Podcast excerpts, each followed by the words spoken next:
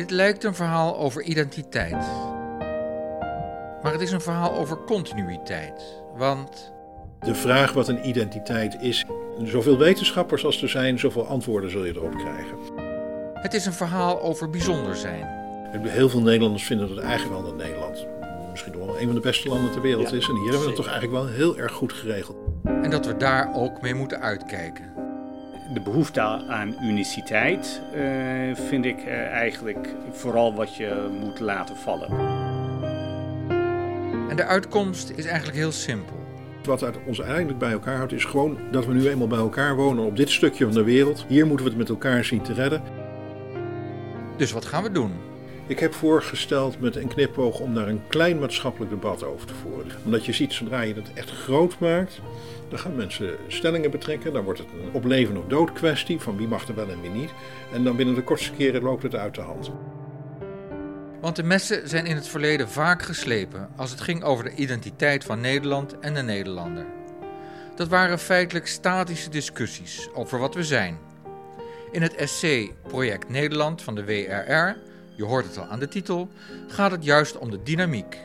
Wie zijn we en waar gaan we naartoe? En hoe? Daar moeten we het over hebben, zegt Wil Tiemeijer van de Wetenschappelijke Raad voor het Regeringsbeleid. En James Kennedy, hoogleraar moderne Nederlandse geschiedenis, vult hem daarin aan. Dan moet je dan een bepaalde plaats geven ook aan het verleden. Dat het verleden mensen ook het besef geven dat je bouwt voort op wat het verleden eh, je gebracht heeft. Eh, dus dat het verleden niet irrelevant is of eh, voor wat je samen bouwt. James Kennedy is vooral bekend als leider van de recente revisie van de Kanon van Nederland. Dat hij meedoet aan het gesprek is geen toeval, want de discussie over de Nederlandse identiteit en de roep om een kanon van Nederland zijn in eenzelfde periode en om vergelijkbare redenen ontstaan, zo rond de eeuwwisseling. En het zijn misschien inhoudelijk twee kanten van dezelfde munt. Een oranje munt, dat zal duidelijk zijn. Hoe is het essay Project Nederland ontstaan? Het komt eigenlijk voort uit een ander project wat eh, de WR heeft gedaan. Dat gaat over eh, de komst van migranten. Eh, het aantal migranten in Nederland neemt al maar toe. En het gevoel van de WR was, eh, we, moeten daar een rapport over schrijven over de vraag hoe we toch eh, dat allemaal zo goed mogelijk opvangen en verzorgen dat de sociale cohesie in Nederland eh, zo goed mogelijk behouden blijft. Want er waren wel wat signalen dat in heel erg diverse wijken die sociale cohesie wat minder is. Dus daar is een rapport over geschreven. Dat heet Samenleven in verscheidenheid. En toen bij de interne besprekingen hadden we het erover dat ik dacht van ja, als, je, als dit je thematiek is, dan moet je eigenlijk ook iets zeggen over wat Nederland dan is. Waar nieuwkomers dan, hè, die, zouden moeten integreren of aanpassen of welk woord je daar ook voor wil gebruiken. En dan moet je ook iets aangeven van wat is het dan? Nou, dat is, dan kom je onvermijdelijk op het onderwerp van de Nederlandse identiteit. En dat is nogal een... eh, controversieel onderwerp, althans daar kan makkelijk discussie over bestaan. Er ontstaan ook, er zijn ook veel misverstanden over. Dus toen heb ik gezegd van nou laten we daar een aparte publicatie aan wijden om dat onderwerp nog eens even op te pakken en kijken wat hier nou precies speelt. Vanuit die, vanuit die achtergrond, van het idee van ja, we, we moeten toch iets kunnen zeggen over wat het nou is wat Nederland bij elkaar houdt en wat het nou is waar mensen of van binnen die hier al jaren wonen of mensen van buiten die hier komen wonen, waar die rekening mee moeten houden of in moeten integreren of welk woord je dan ook precies zou willen gebruiken. En hoe kwam het dat er in 2006 een kanon van Nederland kwam? Dat heeft inderdaad te maken met uh, precies de discussies waar Wil ook aan refereert. Je hebt uh, eind jaren 90, zeker uh, na 9-11, heb je in, in, Nederland en niet alleen in Nederland wel behoefte aan een soort antwoord op de vraag wie zijn wij? hoe kunnen wij dan in deze globaliserende wereld toch wel vastleggen wat vastgelegd moet worden, koesteren wat gekoesterd moet worden, beschermen wat beschermd moet worden. Dat zijn de dingen die dan wel overal naar voren komen. En zeker in Nederland is dat wel een heel intens uh, gesprek geweest, met name de uh, eerste jaren van de 21ste eeuw. Het heeft te maken met dat je de economische globalisering uh, niet meer in de handen hebt. Dus dat, dat wil zeggen dat uh, China en India uh, in opkomst zijn. Dat Nederlanders hebben denk ik wel voor een lange tijd gedacht van wij zijn een beetje, wij zitten bovenop de globalisering. Dat kunnen we goed aansturen. Ik denk dat er al twijfels zijn gerezen. Ik denk dat heel veel heeft te maken met migratie naar Nederland toe. Uh, dat nog meer, denk ik. Dus je hebt te maken met de samenstelling van de samenleving verandert. Uh, en dat mensen het gevoel hebben gekregen van, nou ja, blijft dit het land dat ik dan wel zo mooi vind en zo goed vind? en hoe kunnen we ervoor zorgen dat het zo blijft? We weten ook uit onderzoek dat ja, met name uh, sinds 9-11 dat de plaats van de islam in de Nederlandse samenleving een hele belangrijke uh, rol uh, heeft gespeeld. En dan komt die identiteitsvraagstuk ook wel heel snel naar voren. Hoe kunnen we ervoor zorgen dat Nederland blijft zoals het is, zeggen mensen volgens James Kennedy. Nederland houden zoals het is, dat kan natuurlijk helemaal niet. Dus dan moet je de geschiedenis stopzetten. Uh, nee, maar ik denk dat het heel erg belangrijk is. Je moet een soort van anker hebben en een soort van zelfbesef. Dat je denkt van wat, wat is het nou in Nederland wat, waar we trots op zijn, wat we belangrijk vinden, wat we willen behouden voor de toekomst. Ondanks wellicht alle veranderingen die op ons afkomen. Ja, niet alles zul je kunt behouden, maar je moet, voordat je überhaupt wat dat betreft de toekomst met enig zelfvertrouwen tegemoet kunnen treden, moet je wel een besef hebben van, van, van dit zijn de dingen die we hebben opgebouwd en die we belangrijk vinden, om wat voor reden ook, en die we zo goed mogelijk willen behouden. En nou, nou dus dan komen er vaak komen er mooie woorden komen er op tafel, zoals tolerantie, rekening houden met elkaar, uh, dat soort zaken. Dat moet ook, want we zitten met heel veel mensen op een klein stukje land bij elkaar. Maar ik pleit er wel voor, voor een gezond zelfbesef van de, de waarde uh, die je wilt veiligstellen voor de toekomst. In dit verband valt mij altijd op, ik, ik heb jarenlang heb ik dus in de ambtenarij gewerkt. Elke beleidstekst begint altijd met de tekst dat de samenleving razendsnel verandert. Dynamiek vliegt je om de oren en we moeten daarin flexibel meebewegen. Ik denk van ja, oké, we zetten nou ook eens een keertje bij. We moeten daarin meebewegen, maar we moeten ook goed letten op de zaken waar we waarde aan hechten, die moeten we ook koesteren. Dat zul je nooit in beleidsteksten aantreffen, want dat klinkt niet heel erg dynamisch. Maar ik denk dat het wel een gevoel is wat veel mensen hebben, waar, waar, waar, waar ik dus voor ben. Gaat het sommige mensen te snel? Maar als je de media volgt, als je de publieke opinie een beetje bijhoudt, en in ieder geval voor een gedeelte van de mensen gaat het te snel. Andere mensen gaat het misschien wel niet snel genoeg hoor, maar die laten zich minder horen een van de dingen die ik mij ook wel heb afgevraagd, ook naar deze beleidstuk, is waarom zit eigenlijk altijd die, die nadruk om die verandering tegemoet te komen? Waar komt dat dan uh, vandaan? En waarom zeg je dan niet, nou ja, wij, uh, wij beogen een bepaalde soort continuïteit? Het gaat sommige mensen uh, te snel en ik denk dat dat is ook een van de redenen waarom onvrede is in, uh, in de politiek. Ik denk dat natuurlijk, het heeft ook wel te maken met het soort gevoel van de mensen die aan de macht zijn, niet geïnteresseerd zijn in het behoud van de goede dingen. dat ze daar eigenlijk geen taal voor hebben of dat ze dat, daar geen uiting hebben weten te geven. Of misschien in concrete termen dat ze dan, ja, als het ware, de grenzen niet dichtgooien of wat dan ook zou, zou mogen zijn.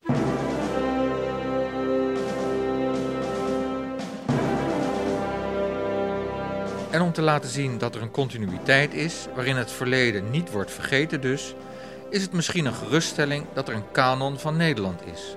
Een soort ankerpunt, zoals Wil dat noemt. Ja, dat kan het zijn. Maar na een kleine 15 jaar wordt die kanon alweer veranderd.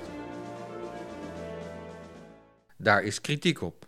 We willen niet dat die geschiedenis telkens weer verandert. Kan wel een gevoel van uh, ontheeming uh, uh, geven. Het is eigenlijk zoeken uh, altijd naar een vorm van dynamische continuïteit. Hè? Dat je dan eigenlijk zoekt naar een manier waarop de belangrijke dingen uit het verleden in ieder geval altijd nog uh, belangstelling genieten.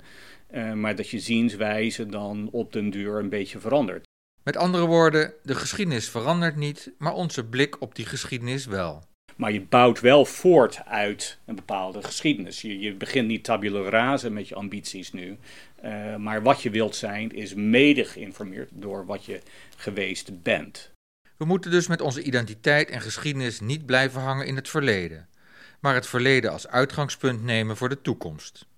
In het essay komt naar voren dat de mens in zijn aard conservatief lijkt te zijn. Dat is niet het woord wat ik zou gebruiken. Mensen zijn geneigd om zich te hechten aan gewoon de dingen in hun omgeving, om wat ze hebben. Het is gewoon puur emotionele hechting. Dat begint al als kind, de plaatsen waar je opgroeit, het ouderlijk huis. Dat, dat, dat, neemt een speciale plaats in je hart in. Dat wordt een onderdeel van wie je bent. Dus als je dat weghaalt, als de, de, de omgeving waar je bent opgegroeid, of het huis waar je bent opgegroeid, als die helemaal verandert, dan voel je ook, dan verlies je ook iets van je ankers, van van je hechting met de omgeving. Dus dat is, ik zou dat niet direct conservatief willen noemen, maar gewoon een, een soort verband wat mensen aangaan met gewoon puur de ruimtelijke, die fysieke omgeving waarin ze zijn opgegroeid. Nou, dat voor een gedeelte strikt zag dat denk ik ook uit naar, naar culturen, naar tradities. Hè, om maar weer Sinterklaas te komen, vroeg of laat toch op. Ja, voor heel veel mensen is dat niet alleen maar een feest, maar het is ook een verhaal over wie ze zijn en waar ze vandaan komen. En, en daar hechten mensen zich aan. Goed, het woord Sinterklaas is gevallen. Die staat met zijn pakjesavond op de derde plaats in een rijtje van wat mensen het meest typerend voor Nederland vinden. Dat is in een onderzoek dat het Sociaal Cultureel Planbureau in 2019 publiceert. Op nummer 1 staat de Nederlandse taal. Op 2 Koningsdag. Op 4 fietsen en op 5 de Elfstedentocht. Het is ook wel uh, interessant om te zien hoe die discussie over de Nederlandse identiteit gaat. kijk, als je vaak zijn het sociologen of mensen uit die hoek die zich daarmee bemoeien. En die gaan dan een hele reeks van kenmerken en gaan ze opschrijven van, nou ja, de, ook zoals het SCP dat heeft gedaan. Oké, nou dit zijn we dan ongeveer. En historici hebben, het is mijn vak niet, maar voor zover ik het begrepen heb, zijn er dan historici die zeggen, ja, je, je, doet het verkeerd. Je moet niet kijken naar wie mensen nu zijn. Je moet kijken naar waar ze vandaan komen. Die identiteit van Nederland ligt besloten in de geschiedenis. Dan denk ik van ja, dat, dat, dat geloof ik onmiddellijk. Maar er is natuurlijk niet één geschiedenis van Nederland. Hè. Er zijn heel veel verschillende verhalen die je kunt vertellen. Nog los van hoe je de feiten nou precies organiseert. De vraag is ook van, ja, welk tijdsmerk in het verleden van Nederland zou dan het meest typerend zijn voor Nederland? Goed, het is mijn vak niet, maar... De, het, het, verhaal over de 17e eeuw is, heb ik me laten vertellen, een heel ander verhaal dan het verhaal over de 18e en de 19e eeuw. Om een identiteit te bouwen op basis van geschiedenis, tradities en cultuur is dus lastig. En daar komt nog bij. Het gaat vaak mis omdat mensen het idee hebben dat het echt over hun persoon gaat. Ik bedoel, het is een heel gevoelig onderwerp, zo zijn we ook begonnen. De manoeuvre die ik maak in het essay is dat ik zeg: we moeten een beetje weg uit het idee dat. Uh, de, de, de, echte basis van wie we nou eigenlijk zijn als land van onze verbondenheid, dat dat ligt in een bepaalde cultuur of een bepaald verhaal. Die, die groeien wel op de basis die je hebt, maar de basis, als je helemaal teruggaat naar het begin, is wat ons eigenlijk bij elkaar houdt, is gewoon dat we nu eenmaal bij elkaar wonen op dit stukje van de wereld. Hier moeten we het met elkaar zien te redden. Soms gaat het goed, soms gaat het minder goed. En, en dat is ook het enige. Hè, als je nou vraagt wat onderscheidt nou Nederlanders echt definitief van de rest van de wereld, dan is het dat dit stukje, dat is van ons. Dit stukje grond. En daar over de grens, daar wonen de Duitsers, daar aan de andere kant de Belgen. Die zijn qua persoon misschien nog niet eens allemaal zo heel erg verschillend van ons. Het enige verschil is, daar wonen zij, wij wonen hier. En het feit dat wij hier met elkaar wonen en dat de bevolking langzaam maar zeker uh, verandert, maar voor gedeelte ook hetzelfde blijft, dat is uiteindelijk, we moeten het samen zien te redden. Dus het is gewoon puur de lotsverbondenheid. Dat is wat ons met elkaar bindt. En als je het met elkaar op zo'n klein stukje ruimte bij elkaar een beetje wil uithouden, dan moet je ook aanpassen aan bepaalde regels, bepaalde manier met elkaar omgaan enzovoort. Ik heb dus geprobeerd om terug te gaan naar die basis. Vervolgens in de loop der eeuwen bouw je natuurlijk wel een bepaalde manier van doen met elkaar op. En bepaalde culturele tradities ontstaan, bepaalde geschiedenis ontstaan. Dat is een soort van bovenlaag die er bovenop wordt gelegd, die op een gegeven moment ook een soort van zelfstandigheid gaat krijgen. Dat je denkt van ja, oké, maar wij zijn Sinterklaas, wij zijn de polders, wij zijn dit en alles wat daaruit voortkomt. En daar, daar is die, die tolerantie en die consensuscultuur.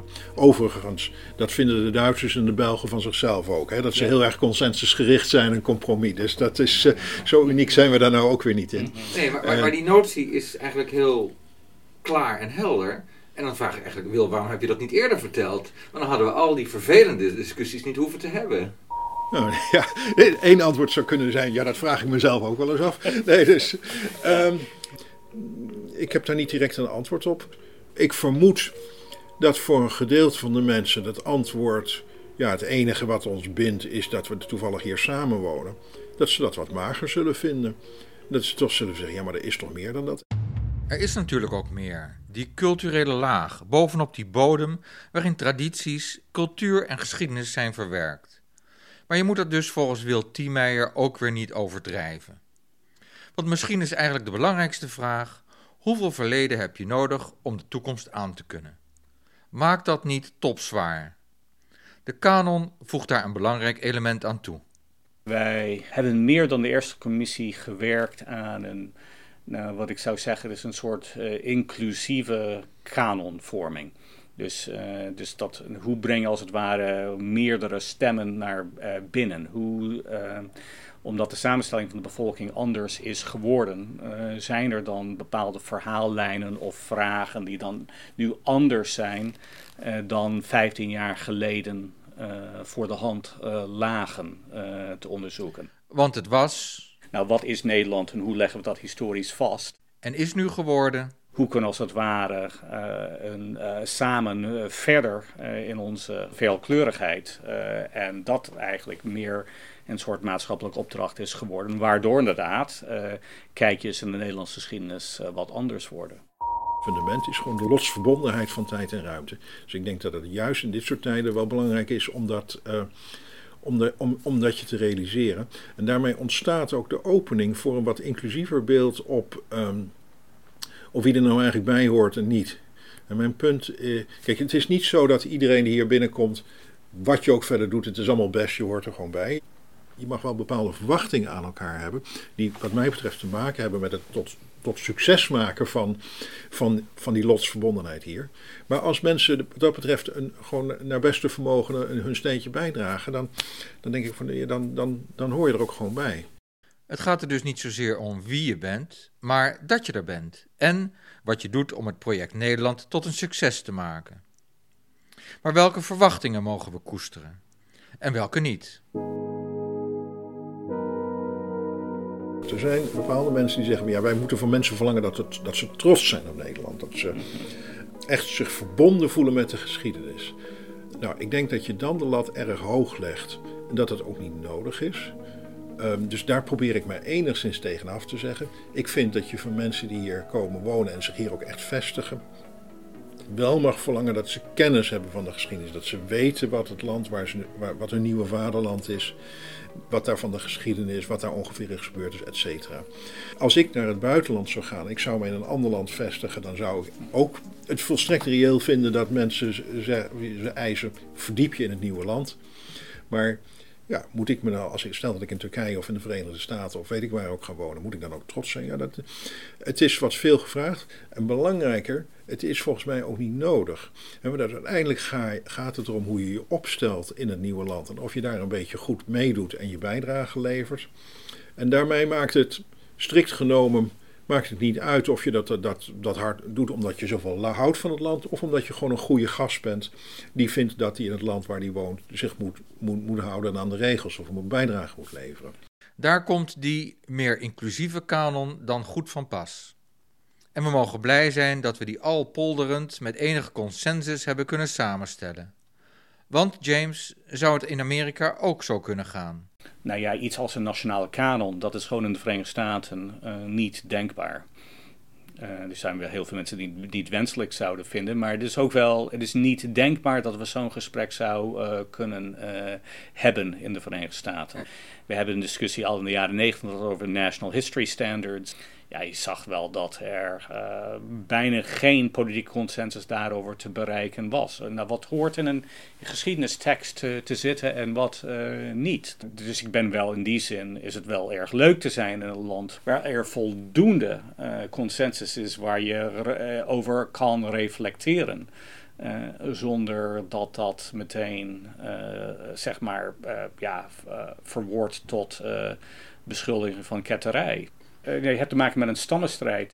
Ja, dat is wel ernstig. En het is nu wel, heet denk ik wel echt de hele uh, pathologische uh, tendensen ook wel veroorzaakt. Dus het heeft te maken dat onze notie van nationale identiteit voor te lang, eigenlijk, eigenlijk voor een hele lange tijd, een te sacrale uh, betekenis heeft gehad. Ik bedoel, dus eigenlijk Amerika is heilig. Hè? Uh, dus, en als je zoiets, als, als het ware zo sacraals of bijna onaantastbaar maakt... En dat betekent dat gewone gesprekken hebben over wat, het, over wat de invulling daarvan is, ook heel erg moeilijk wordt. En de denkbeeldige olifant die in de kamer staat, wordt maar groter en groter. Het risico is dat je er daardoor helemaal niet meer over hebt. En, en dat is de dood in de pot, want daarmee uh, dan reflecteer je ook niet meer op wie je bent. En kun je dus ook niet meer voor jezelf af en toe opnieuw formuleren: wat willen we nou eigenlijk meenemen naar de toekomst? En wat kunnen we wel kwijt? Nadenken, debatteren over wie we zijn, waar we vandaan komen, waar we naartoe willen, moet gewoon onderdeel zijn van het reguliere debat bij een gezonde natie. Maar zoals Wil Tiemeyer in het begin van deze podcast al zegt, houdt de discussie over die olifant wel klein. Want als je dat niet doet, vraag je om problemen. Ik heb dat ook laten zien door, door die paar buitenlandse voorbeelden te halen. In Frankrijk liep het helemaal verkeerd. Daar ging het groots en meeslepend. En werden de initiators ook nog beticht van politieke motieven. In Duitsland, ja, daar hebben ze medegeschiedenis. Geschiedenis blijft ook een heel gevoelig onderwerp waar ze echt met, met, met kousenvoeten omheen proberen te lopen. Daar kwam men desondanks enigszins naïef op te proppen met de term lightcultuur, die gekaapt werd door partijen aan de rechterkant van het spectrum. In Engeland noemen ze dan een club van lords en, en, en ladies, die, die doen dan een advies en dan komt er wel iets uit. Al is het maar een brexit. Een klein maatschappelijk debat dus, met als resultaat het vaststellen van wat we van elkaar kunnen verwachten. Maar hoe duidelijk kunnen we daarover tegen elkaar zijn? Wil Tiemeyer neemt de coronacrisis als voorbeeld. Die eerste golf uh, van de eerste lockdown is natuurlijk wel een hele interessante periode geweest. Omdat veel van de dingen die we nu bespreken komen daar in een soort van snelkookvariant ja. komen naar boven. Ja. Ja, als je teruggrijpt, voor een gedeelte, uh, wat is nou anders in Nederland dan veel andere landen? Net als alle, heel veel landen in de wereld um, hadden we een lockdown. Maar waarbij de Fransen die doen dat heel repressief vanuit de staat. Nous sommes en guerre. Op iedere hoek staat er een politieagent die komt. Hebben wij een intelligente lockdown. En daar zijn wij ook, eigenlijk ook best trots op. Dat wij Nederlanders, wij doen dat op een intelligente manier. Waarop mensen dan op een eigen verantwoordelijkheid worden aangesproken. Die komt in de volgende kamer, denk ik. Nou ja, precies. Nee, maar uiteindelijk blijkt die intelligente lockdown toch dan misschien niet zo goed te werken als dat sommigen hadden gehoopt. Dat is het ene punt. Tegelijkertijd zie je ook, dus die sociale dynamiek zie je wel op, tot stand komen. Uh, de overheid geeft wel richtlijnen aan. Maar ik heb het idee dat, dat er een geweldige sociale druk ook is ontstaan. Op het moment dat één influencer op, op een uh, televisieprogramma iets zegt wat misschien toch niet zo verstandig was. Alleen samen krijgen wij de overheid onder controle. Ik doe niet meer mee. Free the people de backlash was onmiddellijk en massaal. Ja. Kennelijk is er dus in die tussenruimte kan er toch een dynamiek ontstaan waarop mensen elkaar aanspreken op gedrag. En dat was in dit geval, uh, ja, is, is natuurlijk het probleem dat van, van rekening met elkaar houden, is, is, is hier duidelijker dan ooit tevoren, denk ik. In zijn essay noteert Wil Tiemeyer vier punten waar we elkaar over zouden moeten kunnen aanspreken. Hij debiteert ze enigszins beschroomd, want het zijn maar voorbeelden. Van iedereen mag je verwachten dat hij uh, in, in, de publieke ruimte uh, Nederlands voldoende uh, kan, kan bezigen. En dat hoeft heus niet perfect native speaker niveau te zijn, maar gewoon, ja, daar heb je allemaal coderingen voor B1 of B2. Ook ziet hij een verschil tussen blijvers en passanten. Mensen die maar kort in Nederland zijn. We zitten met veel mensen op een kleine ruimte, dus we moeten een beetje rekening mee houden met elkaar, een beetje geven en nemen heel belangrijk is dat wat je. Hè, hier zal iedereen nog wel eens zijn. Ik heb ook heel nadrukkelijk toegevoegd. Je hebt ook een zekere zorg voor de leefomgeving. En dan bedoel ik niet alleen het stoepje voor de deur, maar ook de leefomgeving in wijdere zin. Nogmaals, we hebben een druk land, kwetsbaar, wordt zeer intensief gebruikt, ligt voor een gedeelte onder de zeespiegel. Daar komen allemaal opgaven uit voort. En het laatste is, uh, je mag van mensen verwachten dat ze een bepaalde bijdrage leveren aan de samenleving. Um, en dat kan zijn gewoon door te werken, maar het kan ook vrijwilligerswerk zijn. Ik vind gewoon goed opvoeden van nieuwe, kinderen, nieuwe generaties Nederlanders vind ik ook daarbij horen. Dit zijn op zich niet zulke heel erg uh, verbazingwekkende inzichten. Je denkt van, oh, nou, dat, dat, zo had ik het nou werkelijk nog nooit gezien. Uh, waar het mij om gaat, er is dus meer dat je van mensen verlangt dan dat ze zich alleen maar aan de wet houden. Dat, dat zie je wel in het Haagse debat. Als die discussie over normen en waarden en wat verwachten we van elkaar, als die naar Den Haag toe komt, dan, dan wordt men wat onrustig. En eigenlijk is de reactie dus nou ja, iedereen moet zich gewoon aan de wet houden. En voor de rest moet de samenleving het zelf maar uh, bespreken. En ik denk van, ja, dat is te mager. Een samenleving waarvan je niet meer van elkaar verwacht dan dat je de wet niet overtreedt, is volgens mij ten dode opgeschreven. Dus ik heb dat genoemd een soort van normatief surplus. Bovenop de wet zijn er een aantal normen en waarden die het leven hier aangenaam, prettig en productief maken. Waarvan ik dat je tot op zekere hoogte elkaar ook mag op aanspreken. Op een zekere regelmatige basis wil ik het daarover hebben. En daar mag Den Haag, de politiek, mag daar gewoon ook in dat debat zijn bijdrage aan leveren.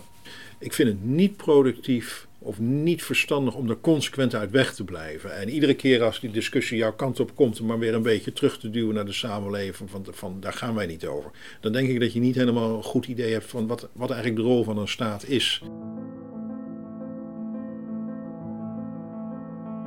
James Kennedy betrekt dit op corona. Nou ja, ik heb daar ook wel iets dat Mark Rutte wel eerder had kunnen komen, ook wel met zijn morele visie over wat, eh, wat we elkaar verschuldigd zijn. Uh, Dat had hij wel kunnen doen. En dat zou uh, wel ook geheel gepast kunnen zijn. En dat is dan niet vervaardigd in wetten, maar dat hij een morele oproep doet waar mensen aan denken. en, en je merkt gewoon als die dan wel komt, of als je een goede 5 of 4 mei toespraak hebt, of 5 mei toespraak hebt, of eh, dus dat je ook wel een, uh, nou, een koning of een uh, premier of een andere minister komt met een ja, toch wel een indringend oproep of gesprek die dan eigenlijk tot discussie kan brengen. Dat wordt gewaardeerd en dat heeft ook wel dat heeft ook zijn plek, lijkt mij. Dus, dus kansloos is het helemaal niet. Ik denk dat er wel heel veel Nederlanders zijn die dat wel goed vinden. En ook als je er niet mee eens bent, bedoel, nou, ook prima. En dan de moraal van dit verhaal, zoals James Kennedy het zei. De behoefte aan uniciteit uh, vind ik uh, eigenlijk vooral wat je moet laten vallen. En zoals Wil Tiemeyer het uitdrukt. Er bestaat een neiging om te zeggen: de identiteit van Nederland ligt in het eigene van in ons land. Of nog sterker uitgedrukt, in het unieke van ons land. Dus als, iets, als de Belgen of de Duitsers of de Denen ook iets doen, nou, dan kan het dus niet echt bij Nederlands behoren. Nou, dat, dat is dus niet waar.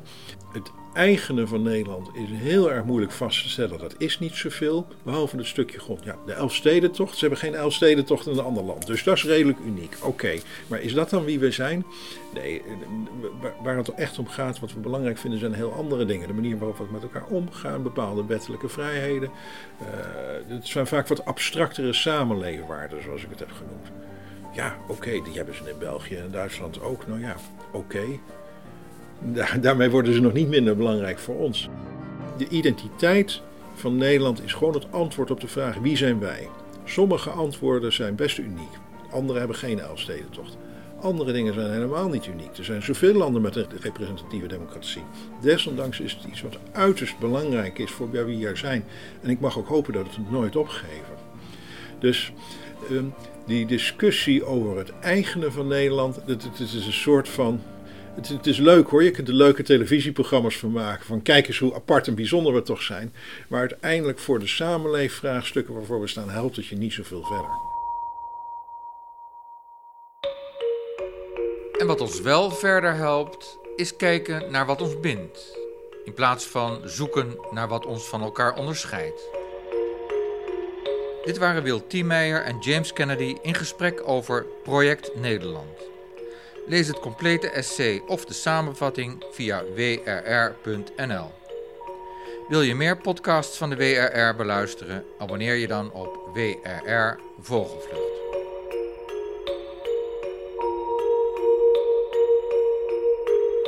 Is, uh, is jouw essay een uh, geschikte exportproduct?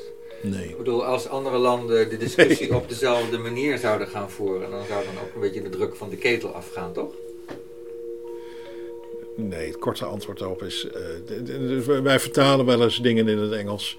Maar om dit product in het Engels te vertalen, moet je het helemaal opnieuw schrijven. Dus. Uh, nee, maar om, om, wat je zegt, hè, van. Je bedoelt of het gedachtegoed... Wat bindt ons en waar willen we naartoe? Ja, nee, het gedachtegoed is... Het, ik, ik, kort nadat het uh, uitkwam, uh, mocht ik op bezoek bij de ambassadeur van België in Nederland. Die had het gelezen, althans de samenvatting hiervan. Die zei, nou, wij moeten echt eens eventjes doorpraten. Want wij Belgen, ja, wij zijn eigenlijk twee volken die helemaal niks met elkaar te, binden, uh, te bieden hebben. Maar het idee dat we samen leven op een stukje land net ten zuiden van jullie... Ja, dat is dan misschien nog net die kaart waarop ik de Vlamingen en de Walingen bij elkaar kan krijgen. Dus... Vertel me maar hoe ik het moet doen.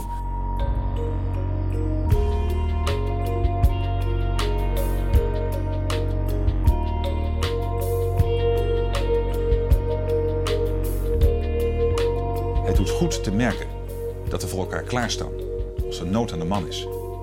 Blijf dat doen. Blijf alert. De opgave waar we voor staan is heel groot. En we moeten dit echt met 17 miljoen mensen doen. Samen komen we deze moeilijke periode te boven. Let een beetje op elkaar. Ik reken op u. Dank u wel.